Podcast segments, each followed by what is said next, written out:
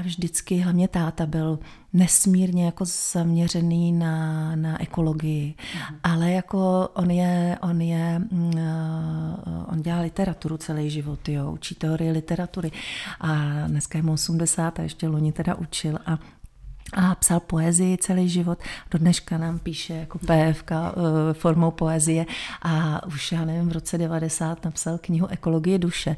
Takže já jsem vyrůstala na pohádkách s ekologickou tématikou, která jako sice byly úplně dětský, ale vždycky tam ty příběhy přírody a ekologie byly.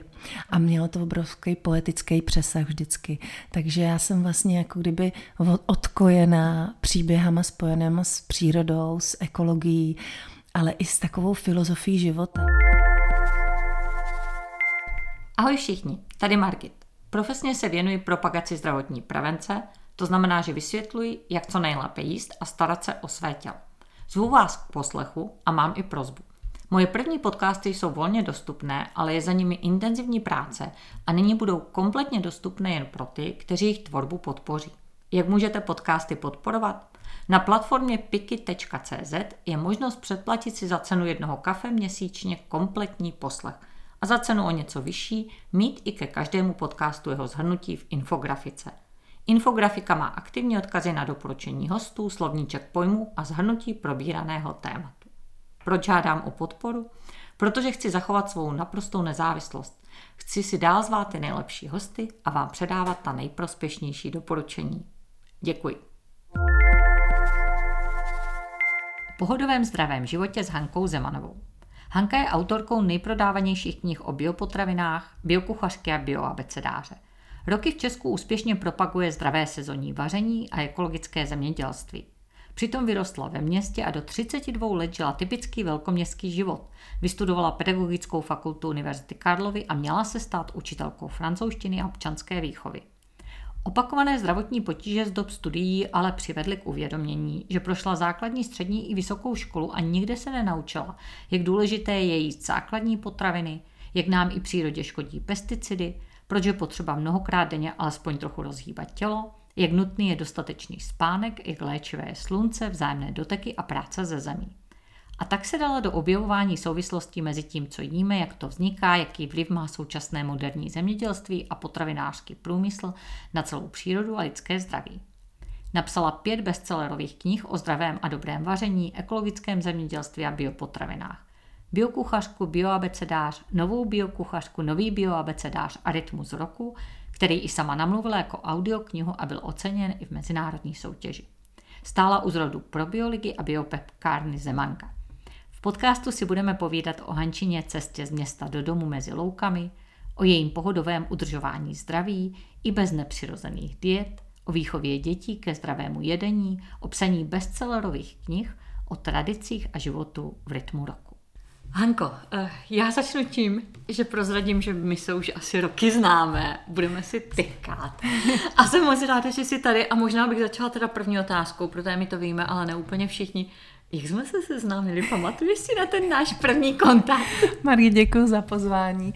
A já mám pocit, že to bylo v době, kdy vznikal první bioabecedář, je to znamená, že to bude tak 15 let, nebo možná i víc. Já jsem měla první holčičku malou a ty jsi žila v Číně, podle mě.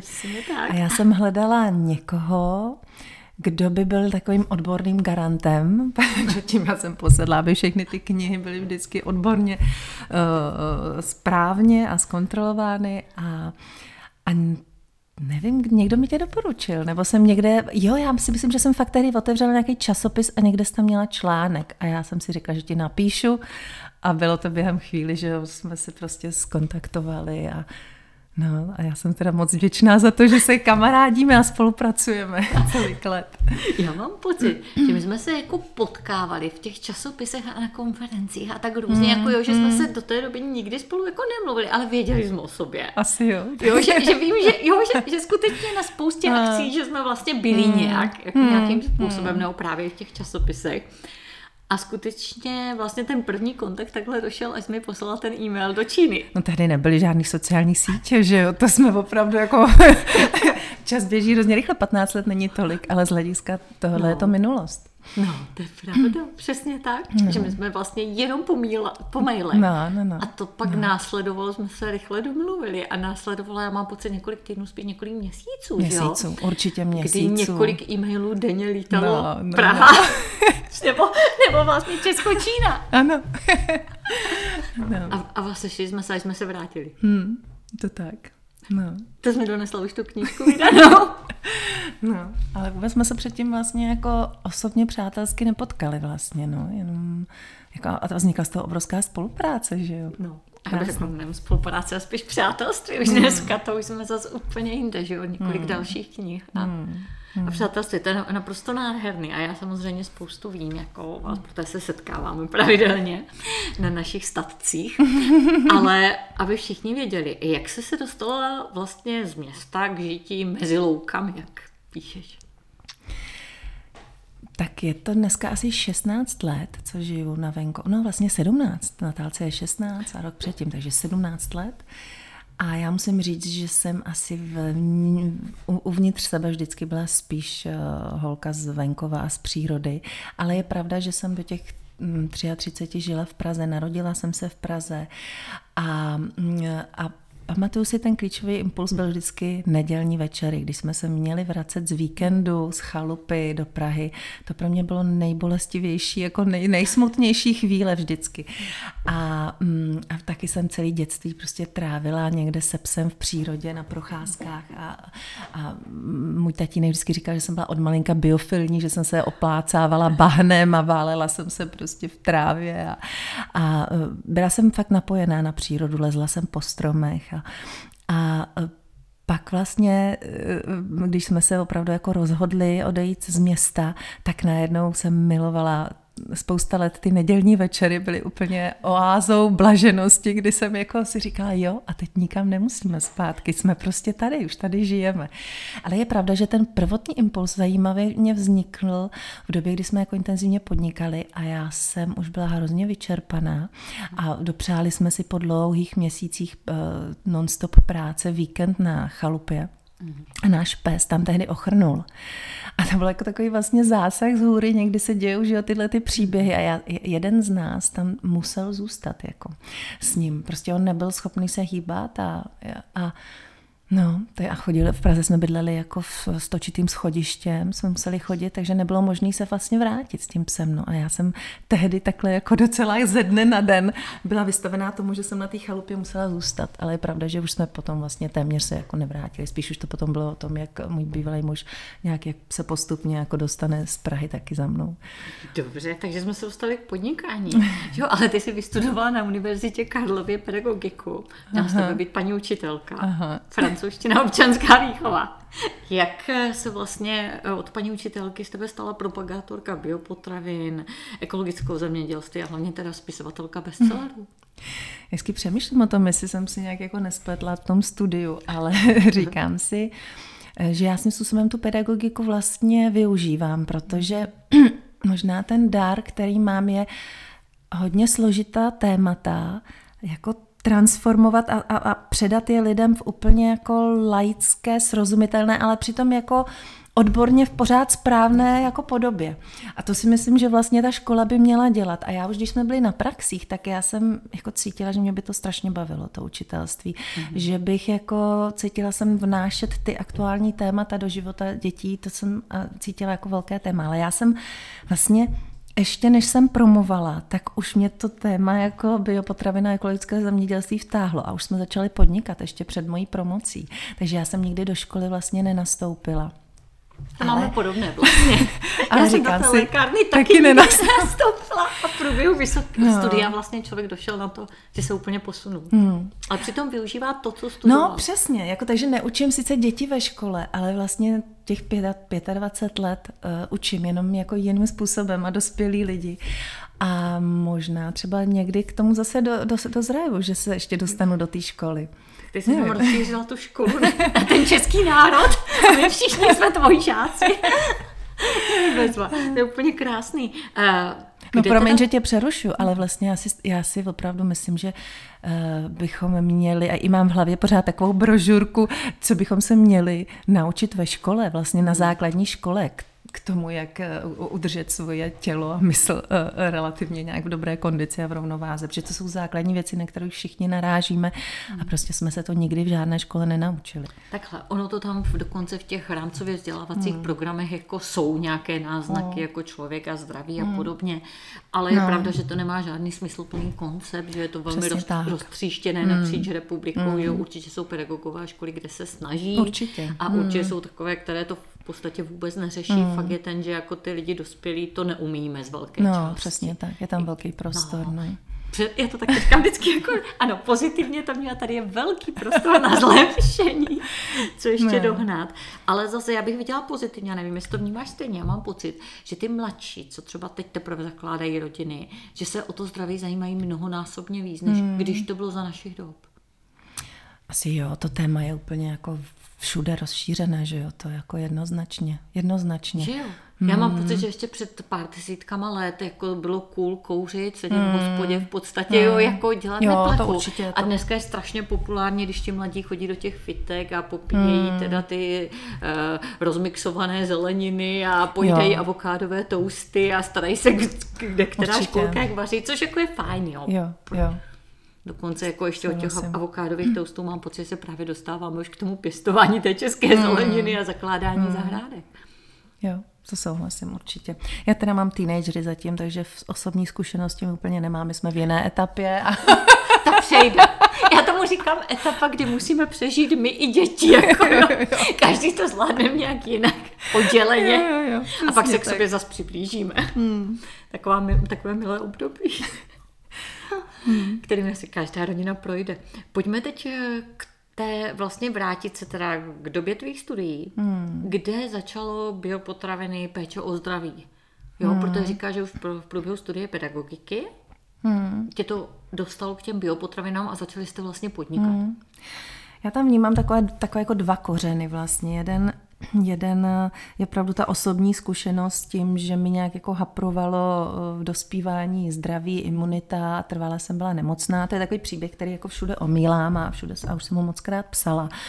A, takže zmíním jenom tu jednu klíčovou větu, že mi tehdy ta paní doktorka řekla, když jsem si ji zeptala, co by dělala se svými dětmi místo opakovaných antibiotik, mm-hmm. tak by řekla, že by změnila stravu a antibiotika by vlastně vysadila.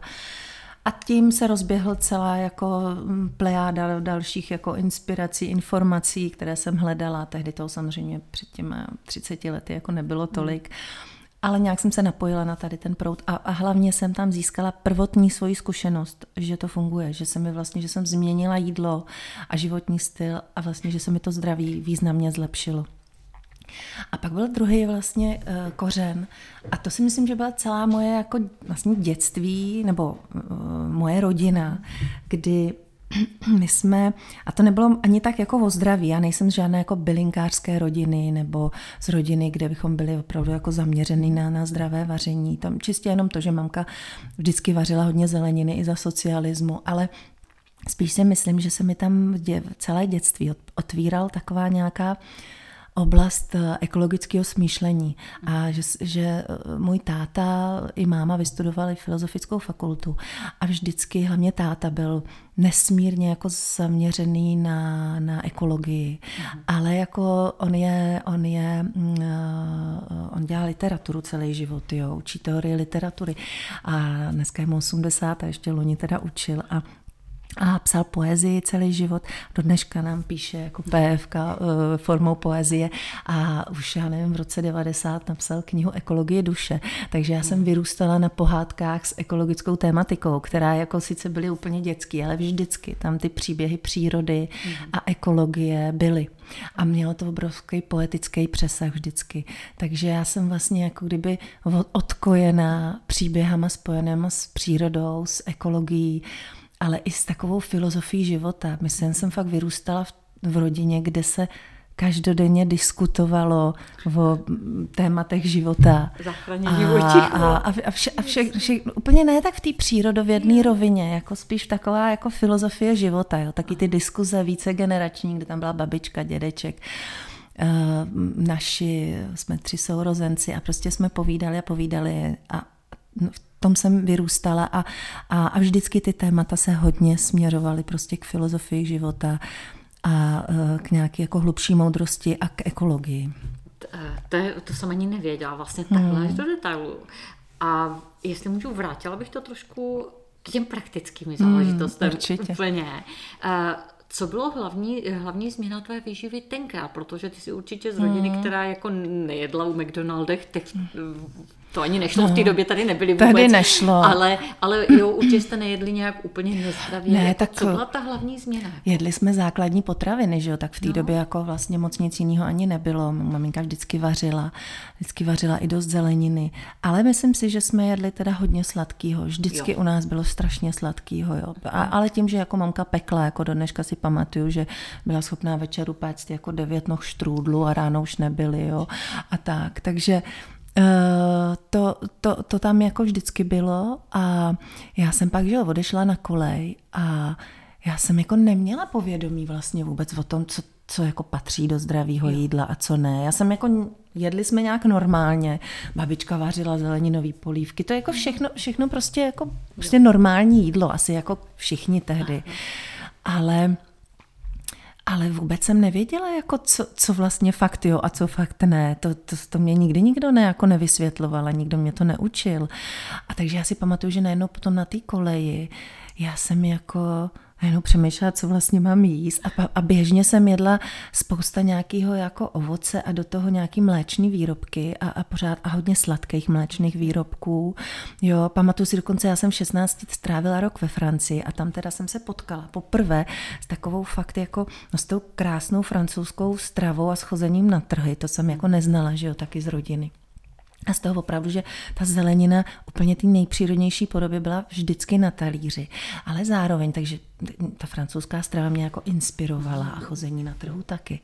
Ale já jsem tam tehdy v těch 16 stlousla asi o 20 kilo. Jak je to možné? A... Všichni píšou knížky bez ale jak se ve Francii hubne. No, ty já jsem, já jsem předtím nikdy v životě doma neměla takový ty jogurty slazený. Ty, tehdy v té Francii jsem poprvé zažila takový ty, to byly nějaký jogurty, jople a tak tehdy opravdu to nebylo jako před revolucí tady, že jo. Byl prostě nějaký bílý jogurt, pak byl jeden nějaký jogurt bez který měl dole marmeládu a ty, a ty přesně, ty termixy, tak to se pacholíky, že jo, to jsem jako měla ráda vždycky. A ale vlastně tady byly najednou takový ty úplně Dezertíky, chemičky, úplně. prostě plný cukru, plný takových těch aromat různých. A mně to připadalo v těch 16 strašně jako dobrý, ale jsem byla schopná jich tam výsí s takovým množství, jako. Do dneška to nechápu, čím to bylo vlastně všechno, ale vlastně opravdu jsem se vrátila, jako, nebo jestli i hormonálním dospíváním, nevím nevím, ale eh, tehdy jsem poprvé taky jako opravdu jako přibrala, no, a asi naposledy. A, a pak to začala řešit, až jste se vrátili. No a ten impuls fakt přišel asi až s tou paní doktorkou, jo. kdy jako vlastně kolem těch, já nevím, 20 nebo 18, kdy ona mi jako řekla jedinou in, in, informaci a to je vysadit cukr a mlíko, aspoň dočasně a exotické ovoce. Tyhle ty tři věci mi řekla a to, a to jsme fakt v letech, ty jo, no já nevím 18 let zpátky, no 20 let, no přes 20 let zpátky, přes 20 let zpátky, bylo kolem 18. A tyhle ty tři věci jsem teda vlastně tehdy vysadila ale já jsem, problém byl, že jsem nevěděla vůbec, co jíst. Tady jako nebyly ty informace, ne, tady bylo jenom makrobiotické hnutí tehdy, které byl, organizovali kurzy. Dobře pamatuju a bylo to děsivé no. až úplně, že jo? No ale na druhou no, stranu děsivé, na druhou stranu já jsem tam získala jako základní praktický vůbec jako jo. informace, jak teda vařit. Já jsem předtím v životě se nic vařit neučila, já jsem doma nic nevařila nikdy, to já jako dneska děti trošku vedu k tomu, aby jako taky nám vařili, ale já jsem jako nevařila doma, mě to nebavilo, mě to vůbec nezajímalo vlastně. A začala se jo. No, takže já jsem se učila vařit rovnou jako zdravě, jo, jo, ale nebo vůbec jako používat tyhle základní suroviny, obiliviny, vůbec naučit se vařit luštěniny a, a, a zeleninu a tak, takže mě ta makrobiotika vlastně vůbec dala základ toho používání základních surovin, jako yes. to, že jsem si z ní pak našla úplně nějakou svoji cestu a viděla jsem i její jako problémy nebo uh, slepý cesty, tak to je úplně pak jiná kapitola, ale ten základ tam byl položený, protože nic jiného nebylo. A pak ten hlavní základ byl, že prostě jsem to na sobě pocítila, že mi to jako pomáhalo. Prospělo. To je strašně vtipný, protože já jsem samozřejmě přesně, jak ty říkáš, v době, kdy jsem začínala dělat výživu a to už jako mě to ještě o něco déle, možná 25 roku, 30, mm. to vemu od zdravky, tak fakt tady v té době nic nebylo. Mm. máš přesně pravdu, ty makrobiotické kurzy byly jedny z minima, takže jsem je taky no. oběhala všechny, když jsem právě viděla ty problémy, s kterými je to mm. i spojené a podobně, i ale ano, přesně jak říkáš, určitě třeba vařit obiloviny luštěny hmm. umí skvěle, možná nejlépe ze všech, že? protože oni je mají na každém talíři.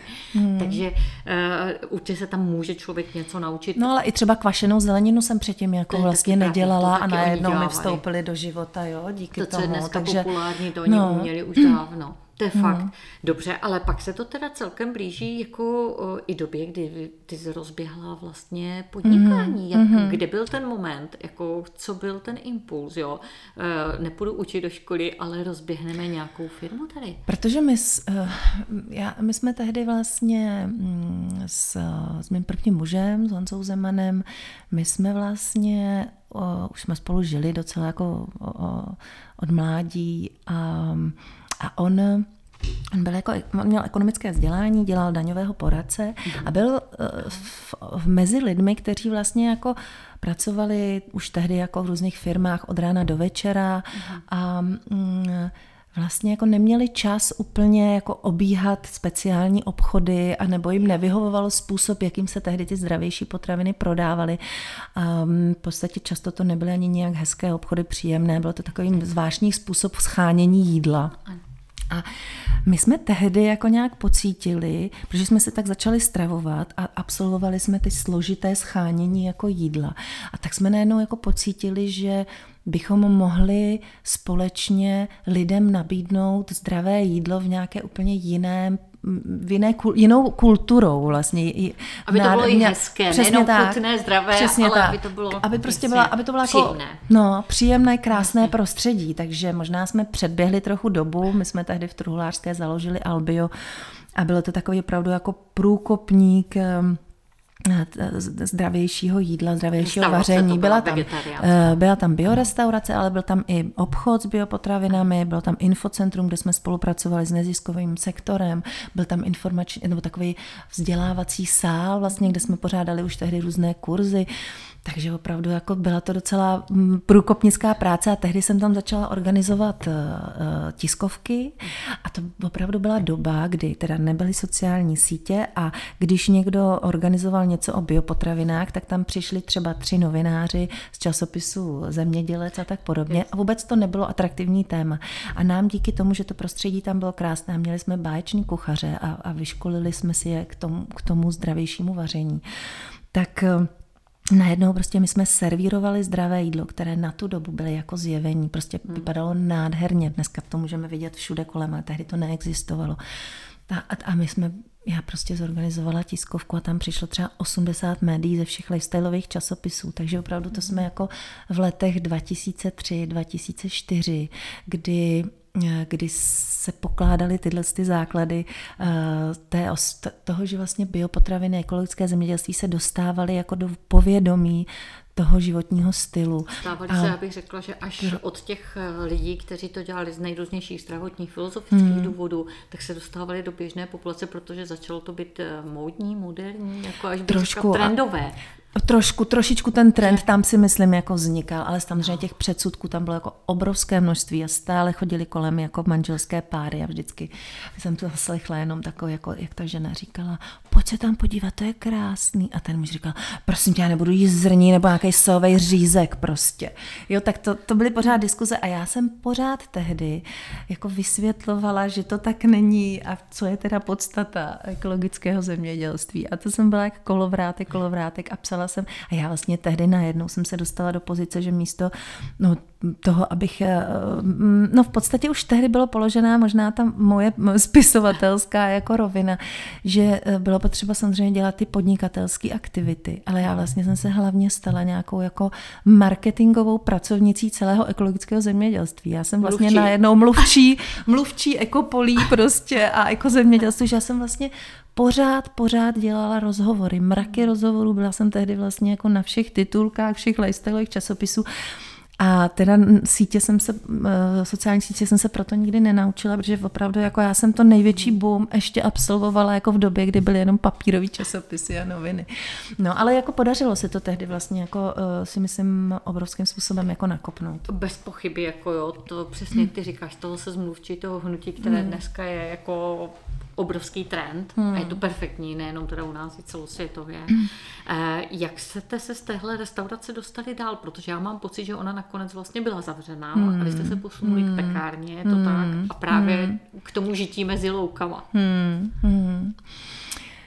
My jsme, se, my jsme tehdy vlastně opravdu jako mm, žili takovým, eh, řekla bych, dlouhodobě neudržitelným způsobem, protože jsme byli oba dva mladí, neměli jsme děti, ta, byli jsme totálně nadšený, vyživovala nás prostě ten entuziasmus toho, že teda jako děláme něco, co nás baví, co má smysl, ale dlouhodobě se to nedá, nedalo vydržet, takže nás to vlastně já nevím, mě asi po třech letech, já jsem byla tak vyčerpaná a pochopila jsem, že, že to vlastně už jako ne, ne, ne, nevydržím vlastně fyzicky.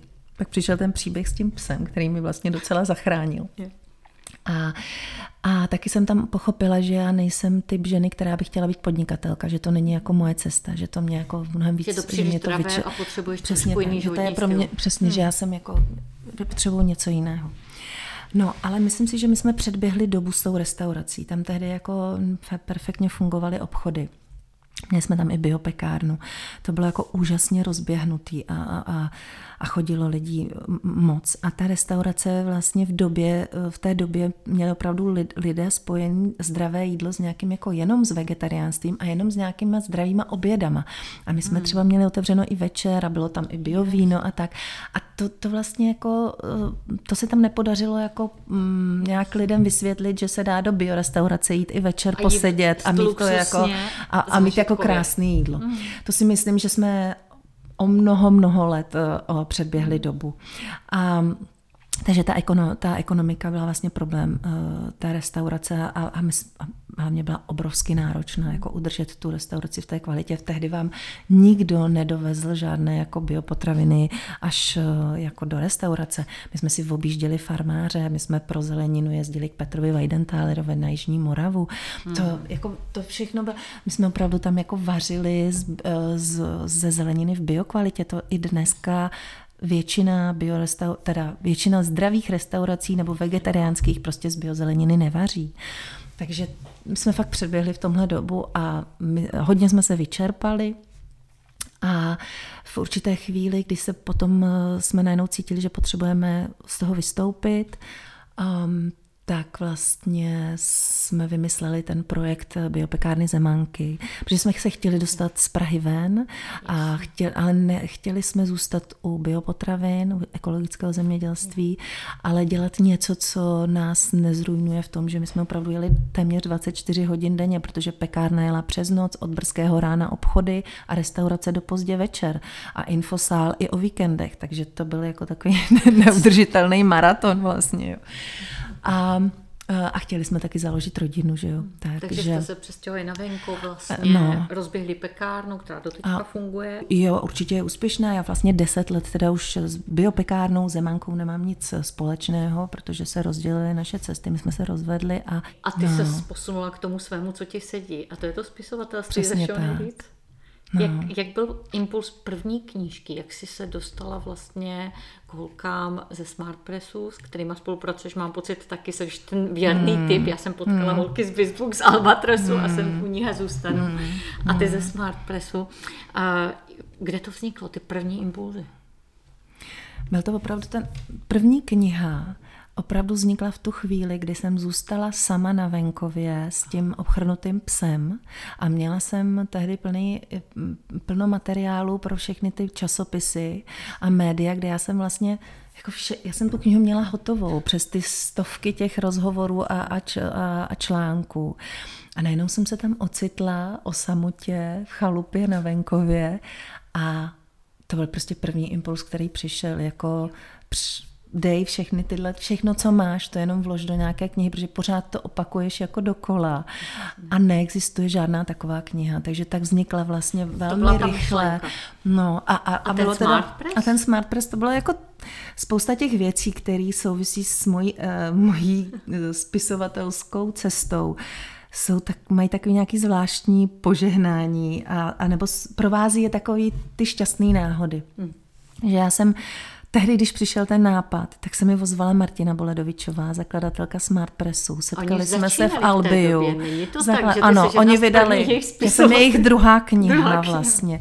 A, uh, a Martina za mnou přišla, jestli neuvažuju vydat knihu. A já v té době jsem vlastně jako ta myšlenka přišla. Takže hmm my, to, to bylo, ani ještě než jsem vůbec se stačila jako nadechnout a rozhlížet se po nakladatelství, tak mi Martina napsala.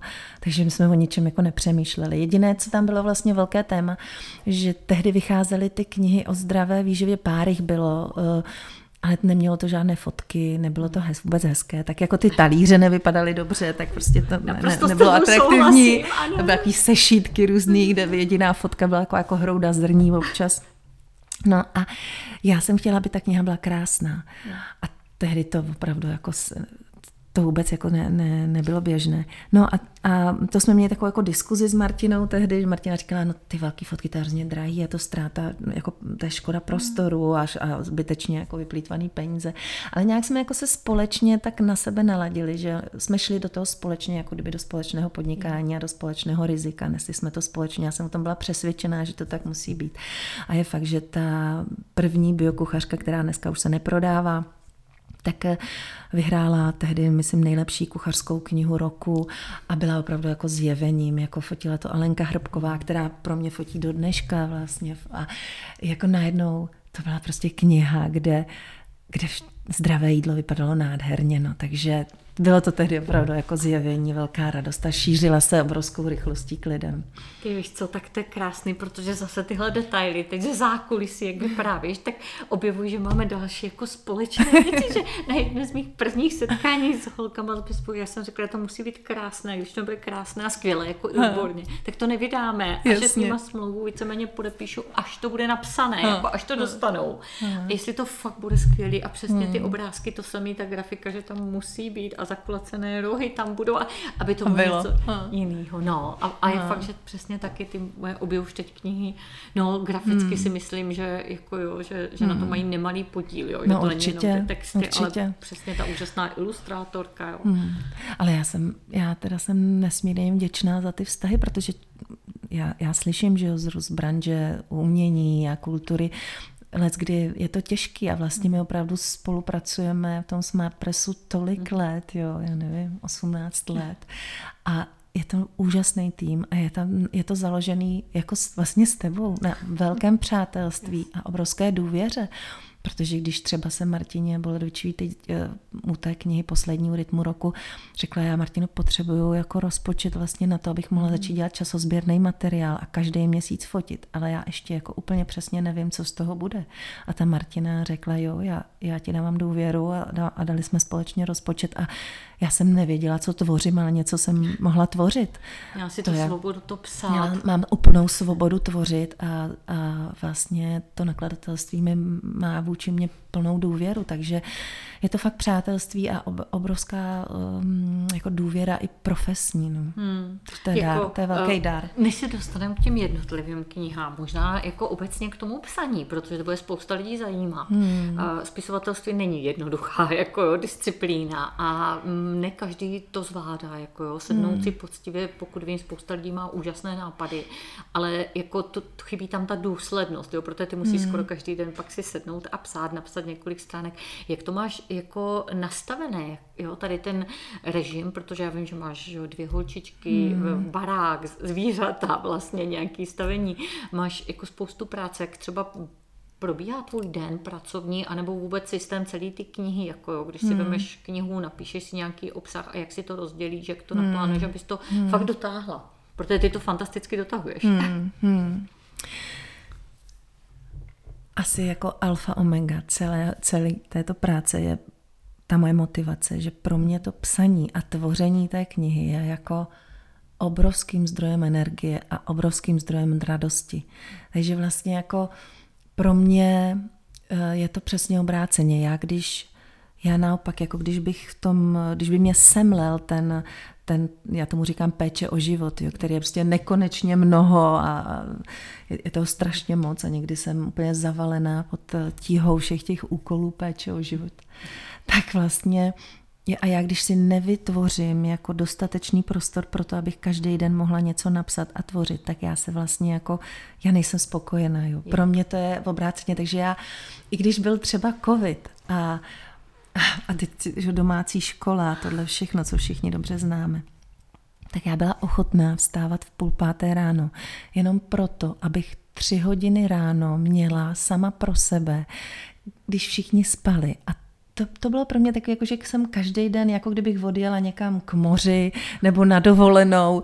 Eh, já prostě, když tvořím a když píšu, tak já jsem u zdroje energie. Já vlastně jako zářím, pak vyjdu z té pracovny a jsem jako vlastně to není, nabitá že energie. jsem nabitá. Ne, ne, ne, není to, že bych jako, ale jo, vlastně fakt mi to energii dodává. Mhm. Takže a myslím si, že je to velký zdroj pro moji jako zdraví energii, pro moji jako vnitřní radost. Takže eh, já se spíš potřebuju nutit k tomu, abych jako zvládla všechnu tu péči kolem jako prádla a, a chodu rodiny a zahrady a výchovy dětí a nákupů a všechno tohle. To všechno mi jako energii bere v mnohem víc, než to samotné psaní a to, to je pro mě prostě zdroje obrovský radosti. Tak tohle jako je úplně asi netypický, bych řekla. A je to krásný. Uh, zkus ještě popsat s těma knížkama, jak to máte hmm. rozdělené právě třeba hmm. jako s těma ostatníma profesionálami v tom Spark hmm. Pressu. Co všechno děláš ty a co ti hmm. třeba zajišťují ti ostatní? Já to mám hodně specificky nastavené, ne, hodně jinak, než je to běžné, protože běžné je pro lidi třeba, kteří se v tom nepohybují v tomhle tématu, je tak, že teda napíšete text ve Wordu třeba, odevzdáte nakladateli a ten už vlastně většinou organizuje tu grafickou stránku Nasázení věci, textu, uh, fotografie a tak.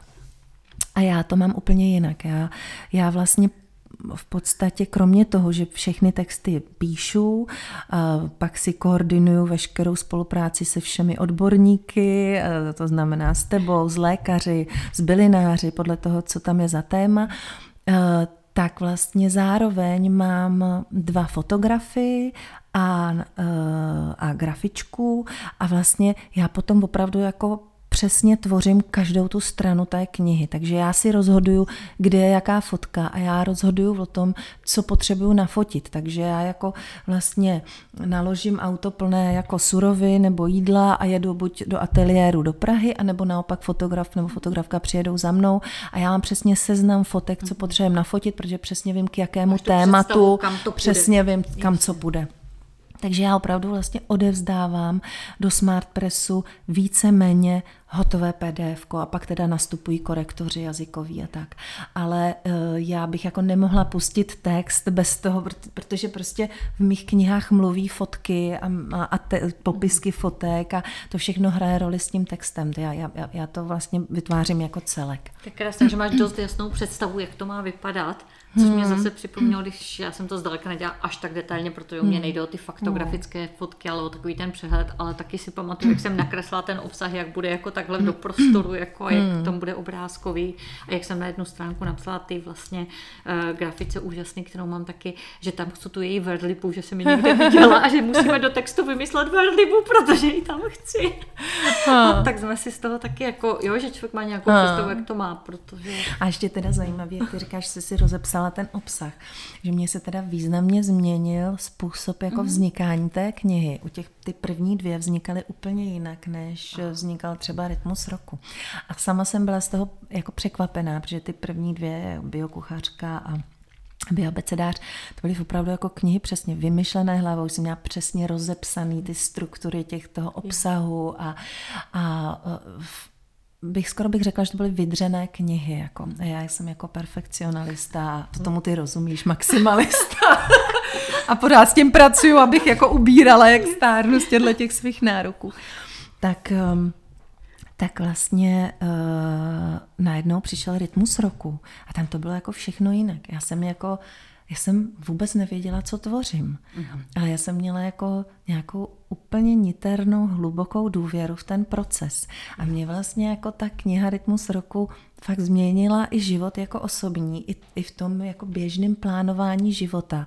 Že tam prostě vstoupilo to, že já jsem mně to fakt přišlo jako, když mě vede nějaký můj vnitřní hlas nebo vnitřní inspirace a já jsem přesně věděla, co kdy jako udělat, jakou fázi zpracovat. A já jsem furt neviděla ten celek, já jsem furt neviděla ten obsah, já jsem furt neviděla, jako, jako kam to směřuje vlastně úplně. Ale, ale prostě byla jsem úplně klidná a měla jsem opravdu hlubokou důvěru v ten proces toho tvoření.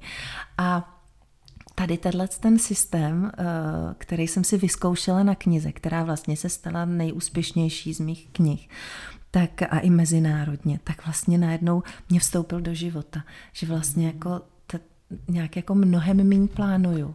Že ustoupilo plánování a vy ta intuice Úplně. nějak nastupuje s věkem. Úplně, no. Já jsem jako vlastně mm. tak si připadám, že pluju na prostě řece života, a, ale jako celý ten loňský rok o tom byl, jsem vlastně nic neplánovala a děli, děl, děli se tak pro mě nádherné věci a, a spousta tvořivých výsledků bylo vidět a sama, jsem, sama si tak jako to pozoruju a raduju se z toho.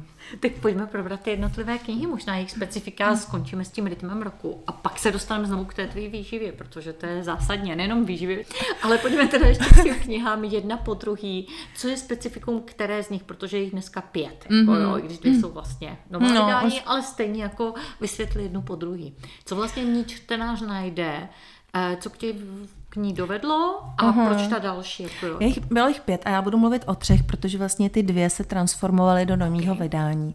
Takže budu mluvit o těch, které jsou dneska na trhu. Dobře. Takže dneska jsou vlastně, dneska je na trhu uh, nová biokuchařka, což je teda vlastně upgradeovaná varianta té mé úplně první kuchařky, která, myslím si, že její, um, její klíčové téma je ekologické zemědělství, příběhy farmářů.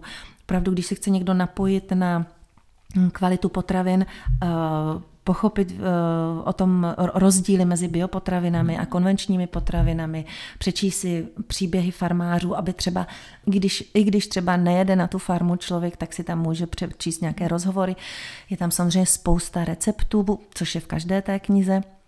Ale tady to specifikum je ekologické zemědělství a spousta i vědeckých rozdílů mezi bio a nebio. Takže základní otázky, základní otázky o biopotravinách, o ekologickém zemědělství, základní témata zdravé výživy a vaření. To je Tady nová biokuchařka. napadá dotaz, jak hodně se změnilo od té první biokuchařky mhm. vlastně, mm. co se týče nabídky na farem, jako toho zemědělství, a co se týče třeba i tvých receptů, posunula si se za tu dobu vlastně nějak významně, měnila si tam taky už recepty? Um, No, určitě, určitě to bylo tak, že nová biokuchařka vycházela po deseti letech. Mm. A pamatuju si, a to si myslím, že si na té tiskovce taky byla, že vlastně to, no už je to dneska totiž zase strašně let, jo. Je to zase 8 uh, roků možná. No, no, no, takže, takže uh, ale pamatuju si, že, že jsem tehdy na té tiskovce říkala, že u staré biokuchařky to bylo tak, že nebyly žádné informace mm. a ta kniha dávala prostě s nějakou suma sumárum základních informací, aby se lidi základně zorientovali. A uběhlo deset let tehdy a já jsem jí musela uh, aktualizovat proto tu novou biokuchařku, protože najednou po deseti, pouhých deseti letech to bylo úplně obráceně, že těch informací bylo tak obrovské množství, že jsme se v nich ztráceli. A já jsem jako najednou vlastně potřebovala zjednodušovat a vytáhnout to podstatné, co je opravdu toho obrovského množství informací klíčové. A to už teda bylo vlastně před těma osmi lety, tím byla specifická ta nová biokuchařka. Myslím, že jsem lehce měnila i recepty a samozřejmě nejvíc jsem si uvědomila ten, ten svůj posun teďka, když jsem aktualizovala bioabecedář, hmm. protože vlastně ten, to běhlo 15 let od doby, kdy jsem ho psala poprvé. A tam jsem nejdřív říkala v létě, že ho jenom tak lehce zaktualizuju. A když jsem do toho lehce tak jako vstoupila, tak jsem pochopila, že to bylo úplně stejné, jako když prostě opravuješ starý dům a postupně přicházíš a je tam další místnost, kterou si řekneš, hm, tak tu se myslá, že zachráním, ale musím ji taky zbourat. A takhle jsem to postupně zbourala celé, vlastně kromě receptové části. Tady jsem vlastně celou, celou tu knihu, která je postavená jednak na, je, je, že je to opravdu encyklopedie zdravého jídla, takže si tam nalistuješ pohanku a dozvíš se všechno, k čemu je dobrá, jak se vaří, nebo dýňové semínko, lněné semínko, konopí a, a tak dále. Ale pak je tam obrovská celá první část o kvalitě potravin, takže eh, která je rozdělená podle základních potravin, ať jsou to ryby, maso, mléčné výrobky, zelenina, luštěniny a je to vlastně obecně zpracováno to téma, tak já jsem sama byla vlastně překvapená, jak moc se změnilo, byť jsou to jako základní věci, ale co všechno se jako nevědělo před 15 hmm. lety, jak se posunul potravinářský průmysl, jak taky jako bylo najednou potřeba reagovat na spousta uh, nových trendů, jo? že vlastně před, já nevím, příklad, když před 15 lety jsem tam řešila kapitolu sladidel, no tak prostě opravdu, kdo, kdo chtěl méně sladit, tak měl jedinou možnost a to byly jako Sladěnky rozinky a, a pak sladěnka, která vůbec nesladila. A nikomu nechutnala. A nikomu nechutnala. No, měla strašlivý vocas chuťovej, že jo. A, a, a nedalo se s ním pracovat, protože no. když si nabral, tak se ti přilepila na lžičku, už si neuměla ani tu lžičku. No, ale jako svým způsobem tě to donutilo, opravdu. Omezit slazení. Omezit slazení že se to nedalo moc používat, že jo. A nebo opravdu jako rozmixovat, já si pamatuju, jak jsem tehdy dělala plňku prostě do nějakých mrkových koláčků a mixovala jsem rozinky, jo. No a tak, nebo, nebo švestky sušený a, a podobně. A dneska najednou jsme v situaci, kde já jsem si to spočetla, že je na trhu přes 50 Sladidel. Eh, rádoby zdravých sladidel, které ale vlastně nám chtějí vytvořit iluzi o tom, že teda zdravíme sla, jako že zdravě. Že sladit bez výčitek. Přesně tak. A, a můžeme dát dál prostě. No. Takže, takže ono to nedonutí člověka opravdu jako snížit to množství hmm. toho to, uh, cukru. A takže vůbec jako tuhle a kapitolu třeba zaktualizovat, že jo, jako jak eh, se k tomu postavit, jak se v tom zorientovat, co vůbec má smysl, jako, jako če, jak, čeho si vůbec všímat z té nabídky, jo, protože v tom hmm. se nevyzná nejenom zákazník, ale nevyznají se v tom ani ty prodejci, že jo, vlastně to je vlastně totální džungle, ale ten potravinářský průmysl reaguje strašně rychle, že jo, na, na, na, na ty trendy, takže potom máme bezlepkový chleby, v kterých je, prostě jsou samý škroby, že a pro bezlepkáře je to katastrofa. No tak takže já vlastně takhle postupně téma za tématem, pro mě asi nejtěžší téma bylo téma ryb, jo, to vlastně v tom se jako hmm. zorientovat, to taky jako se změnilo obrovským způsobem.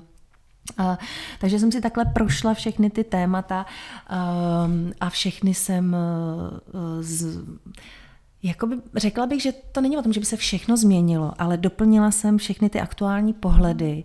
Um, a hlavně jsem mi změnil můj pohled, že jo? takže i ty moje osobní zkušenosti jsem vlastně všechny přepracovala, protože když je člověku 33 a má jedno roční nebo dvouletý dítě, tak je to úplně jiný než, čtyři, než mě teď 48, děti jsou pubertáci, těch 15 let zkušeností prostě se tam obtiskly. Hani, tohle práci si moc dobře pamatuju, protože někdy myslím, že před letem si mě kontaktovala, že to tedy nějak zaktualizujeme, že to bude jako pár textíků a pak jsme celý podzim, dokonce listopadu mám pocit, že se lítali e-maily sem a tam. Ano. A vlastně se to totálně všechno přepisovalo a dělalo znovu. Přesně tak. Bylo to jako vtipný, jako, takže já jsem vedle projektu nemocniční strava ještě vlastně neustále četla. No. Tak a Margit říkala, no já už, se, já už na, ty jsi říkala, že já už na podzim nebudu mít jako moc času. Já říkám, neboj to, my jdem do tisku na konci srpna a pak jsem říká, no my jdem teda do tisku v říjnu a no, no prostě no, asi třikrát jsme posunuli tisk a já jsem pořád nebyla hotová a zase vděčím Smartpressu, že no. se mnou mají trpělivost, protože já jsem vlastně docela jako šílená, se mnou se nedá nic naplánovat, co se tohle týče, že já jako, když už jsem to začala všechno jako přepisovat, tak jsem nemohla část nepřepsat, že jo. No, a, to chápu. Ale zároveň jsem byla tomu vděčná, protože kromě těch opravdu jako velkých témat, já jsem zpracovávala a, a, a měnila i ty, mal, i ty menší hmm. témata jednotlivých hesel v, tě, v, tom, v té encyklopedické části.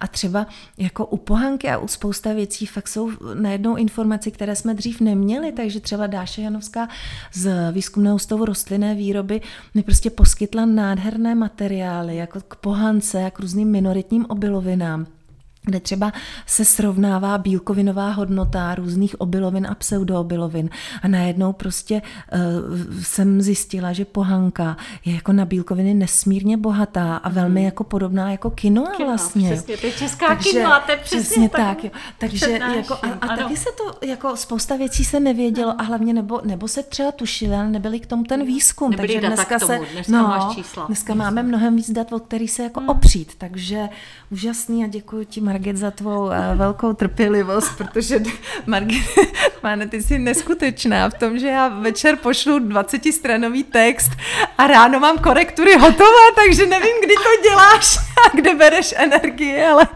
je to zázrak s tebou spolupracovat. Děkuji, vždycky se snažím říkat drobnosti, hned řeším na drobnosti, 20 stran. koncepční projekty déle, ale jako je pravda, že ty máš jako prioritu nade všemi, tím, jak už roky spolu právě spolupracujeme. A když jsi mluvila o těch ještě odbornících, jsem si vš- eh, vlastně vzpomněla na velice hezké vyjádření paní profesorky Dostálové, jestli mm-hmm. z Vysoké školy chemickou mm-hmm. technologické, jestli pamatuješ. Ta nám tenkrát, nebo to by poslala, jsme to dávali do knižky tu informaci o transtuci ano, v ano. sojovém sušeném Ano, ano, zajíci. ze zajíci. No, no, no, to se přesně od ní nějak dostalo. Tehdy jsme to nějak medializovali, že, že Protože to oni to nevydali. problém. Oni to zjistili ale hmm. nemedializovali to. Jasně. Takže vlastně se to dál prodávalo, lidi nadšeně no. běhali do lékáren, Jasně. to bylo i v lékárnách v té době a prodejná zdravé no, výživy. No určitě.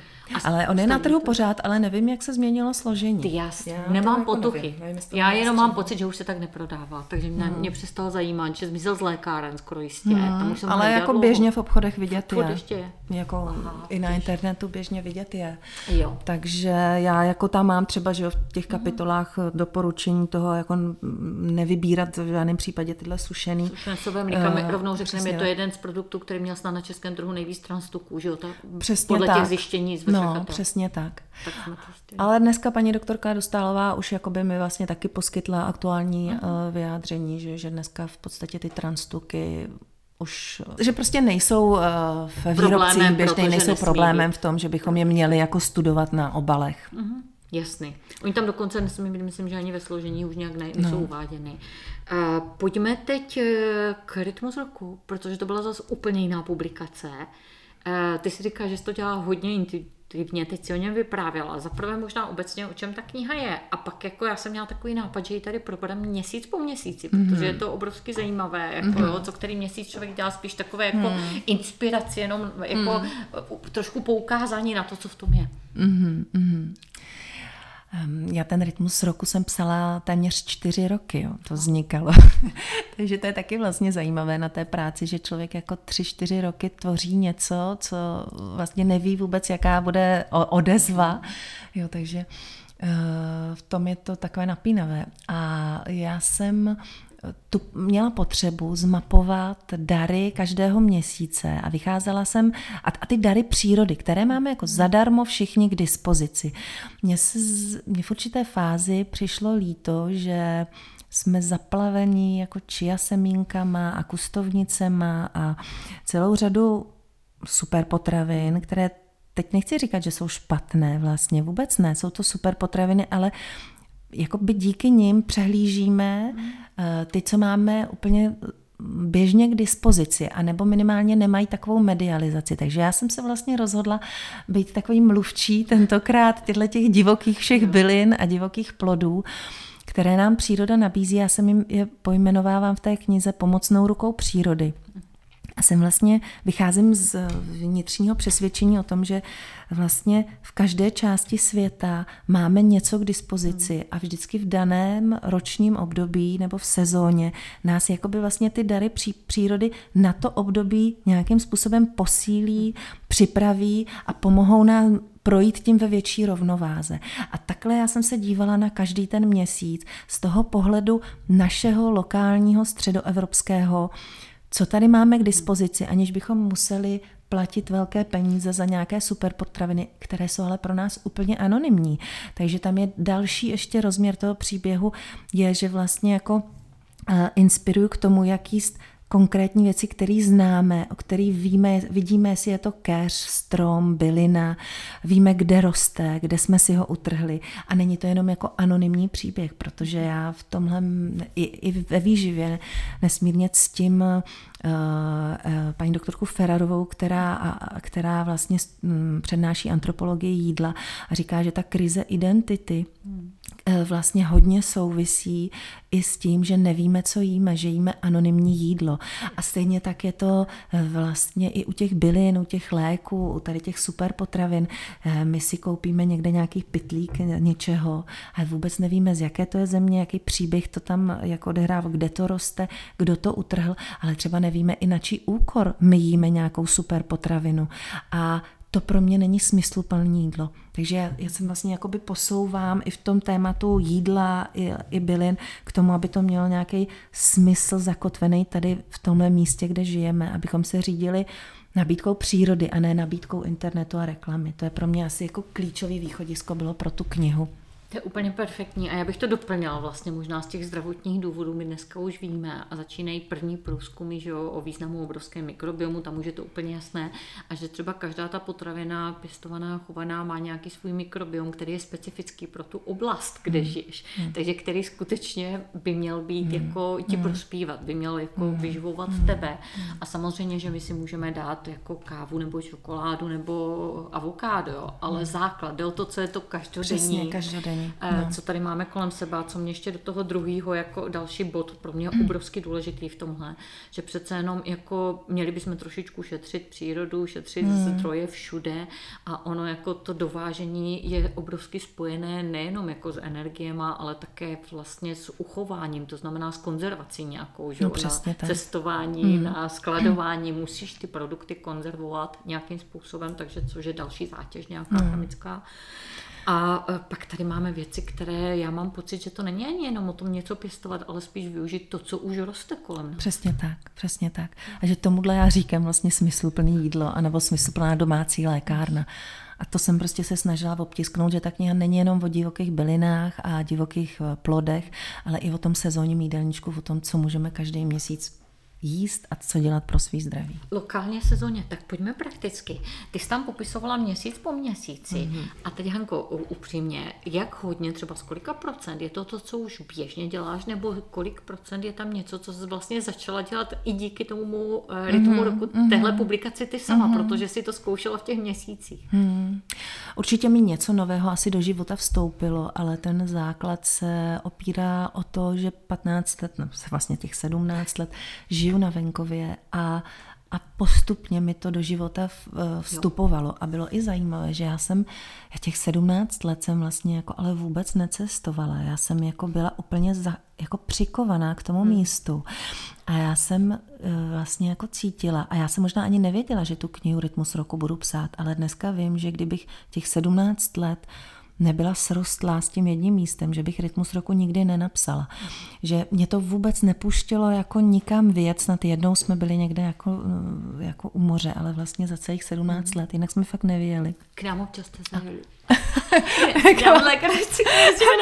v rámci lokální výlety, jako jo, ale žádné velké cestování v tom nebylo. Já jsem byla opravdu, um, jsem cítila, že to, hmm. že to potřebuji jako nasát každou buňkou těla, co to znamená to. A fakt cítím, že člověk může poznávat svět buď skrze to, že cestuje, anebo skrze to, že do, buň, do buněk těla člověk jako nasaje to jedno místo. Všechno tu moudrost jako toho jednoho místa. No. A, a, a nebo to potom nějak propojit, že já cítím, že mám chuť jako zase víc cestovat, protože mám silný kořeny v tom jednom místě, cítím tam velkou oporu a stabilitu. Máš se kdy vracet. Takže přesně tak. Mm-hmm. A, takže uh, něco mi vstoupilo do života, něco jsem se jako dozvěděla nově, jo, třeba tady to, co by vypijeme teďka, tu douglasku kdou, s kdoulí jsme si tady s Margit udělali čaj.